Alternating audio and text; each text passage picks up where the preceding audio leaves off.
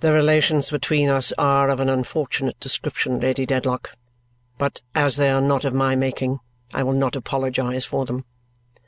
The position I hold in reference to Sir Leicester is so well known to you that I can hardly imagine but that I must long have appeared in your eyes the natural person to make this discovery.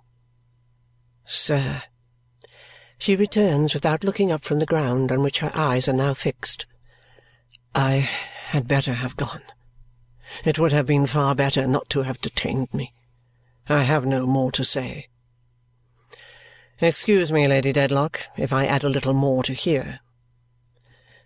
I wish to hear it at the window, then. I can't breathe where I am.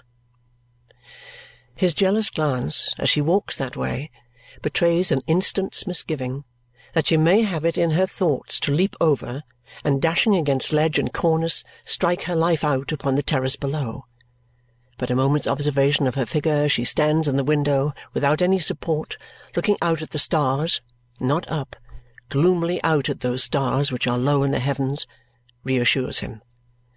By facing round as she has moved, he stands a little behind her. Lady Dedlock, I have not yet been able to come to a decision satisfactory to myself on the course before me. I am not clear what to do or how to act next. I must request you, in the meantime, to keep your secret as you have kept it so long and not to wonder that I keep it too."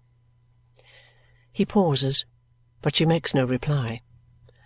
"Pardon me, Lady Dedlock. This is an important subject. You are honouring me with your attention?" "I am." "Thank you. I might have known it from what I have seen of your strength of character. I ought not to have asked the question, but I have the habit of making sure of my ground, step by step, as I go on. The sole consideration in this unhappy case is Sir Leicester." "Then why," she asks in a low voice and without removing her gloomy look from those distant stars, "do you detain me in this house?" "Because he is the consideration, Lady Dedlock. I have no occasion to tell you that Sir Leicester is a very proud man, that his reliance upon you is implicit, that the fall of that moon out of the sky would not amaze him more than your fall from your high position as his wife." She breathes quickly and heavily, but she stands as unflinchingly as ever he has seen her in the midst of her grandest company.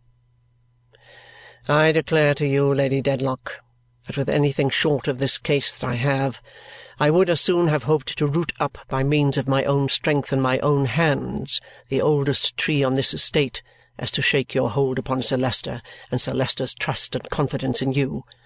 And even now, with this case, I hesitate. Not that he could doubt. That, even with him, is impossible. But that nothing can prepare him for the blow.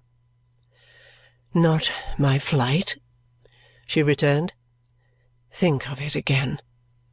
Your flight, Lady Dedlock, would spread the whole truth, and a hundred times the whole truth, far and wide. It would be impossible to save the family credit for a day. It is not to be thought of." There is a quiet decision in his reply which admits of no remonstrance. "When I speak of Sir Leicester being the sole consideration, he and the family credit are one. Sir Leicester and the baronetcy, Sir Leicester and Chesney Wold Sir Leicester and his ancestors and his patrimony." Mr. Tulkinghorn very dry here. "Are, I need not say to you, Lady Dedlock, inseparable." "Go on." "Therefore," says Mr. Tulkinghorn, pursuing his case in his jog-trot style, "I have much to consider. This is to be hushed up if it can be. How can it be, if Sir Leicester is driven out of his wits or laid upon a death-bed? If I inflicted this shock upon him to-morrow morning, how could the immediate change in him be accounted for? What could have caused it? What could have divided you? Lady Dedlock, the war chalking and the street crying would come on directly, and you are to remember that it would not affect you merely, whom I cannot at all consider in this business, but your husband, Lady Dedlock, your husband." He gets plainer as he gets on but not an atom more emphatic or animated. "There is another point of view," he continues, in which the case presents itself. Sir Leicester is devoted to you almost to infatuation. He might not be able to overcome that infatuation, even knowing what we know. I am putting an extreme case, but it might be so. If so, it were better that he knew nothing. Better for common sense, better for him, better for me. I must take all this into account, and it combines to render a decision very difficult. She stands looking out at the same stars without a word. They are beginning to pale, and she looks as if their coldness froze her. My experience teaches me, says Mr. Tulkinghorn, who has by this time got his hands in his pockets and is going on in his business consideration of the matter like a machine. My experience teaches me, Lady Dedlock, that most of the people I know would do far better to leave marriage alone. It is at the bottom of three-fourths of their troubles. So I thought when Sir Leicester married, and so I always have thought since. No more about that. I must now be guided by circumstances. In the meantime, I must beg you to keep your own counsel, and I will keep mine.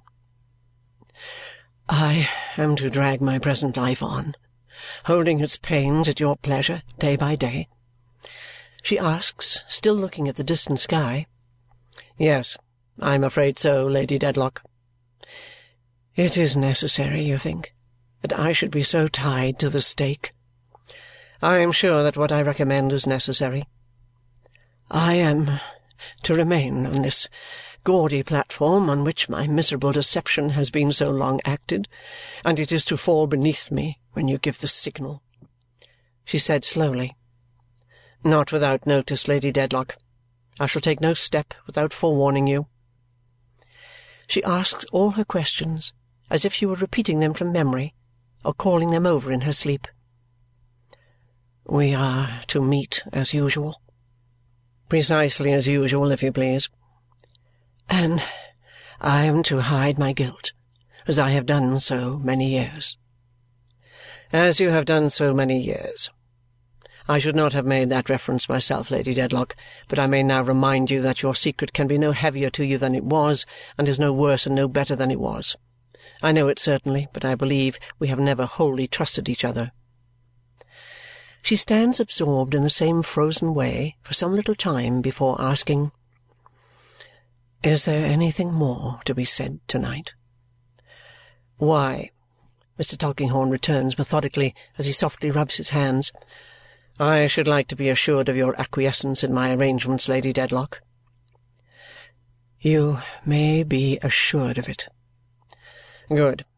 And I would wish in conclusion to remind you, as a business precaution, in case it should be necessary to recall the fact in any communication with Sir Leicester, that throughout our interview I have expressly stated my sole consideration to be Sir Leicester's feelings and honour and the family reputation. I should have been happy to have made Lady Dedlock a prominent consideration too, if the case had admitted of it, but unfortunately it does not. I can attest your fidelity, sir. Both before and after saying it, she remains absorbed, but at length moves and turns, unshaken in her natural and acquired presence, towards the door. Mr. Tulkinghorn opens both the doors exactly as he would have done yesterday or as he would have done ten years ago and makes his old-fashioned bow as she passes out. It is not an ordinary look that he receives from the handsome face as it goes into the darkness, and it is not an ordinary movement, though a very slight one, that acknowledges his courtesy. But as he reflects when he is left alone, the woman has been putting no common constraint upon herself. He would know it all the better if he saw the woman pacing her own rooms, with her hair wildly thrown from her flung-back face, her hands clasped behind her head, her figure twisted as if by pain. He would think so all the more if he saw the woman thus hurrying up and down for hours, without fatigue, without intermission, followed by the faithful step upon the Ghost's Walk. But he shuts out the now chilled air, draws the window-curtain, goes to bed, and falls asleep. And truly when the stars go out and the wan day peeps into the turret chamber, finding him at his oldest, he looks as if the digger and the spade were both commissioned and would soon be digging. The same one day peeps in at Sir Leicester pardoning the repentant country in a majestically condescending dream, and at the cousins entering on various public employments, principally receipt of salary, and at the chaste Volumnia bestowing a dower of fifty thousand pounds upon a hideous old general with a mouth of false teeth like a pianoforte too full of keys, long the admiration of Bath and the terror of every other community also into rooms high in the roof, and into offices in courtyards, and over stables, where humble ambition dreams of bliss, in keepers' lodges, and in holy matrimony with Will or Sally.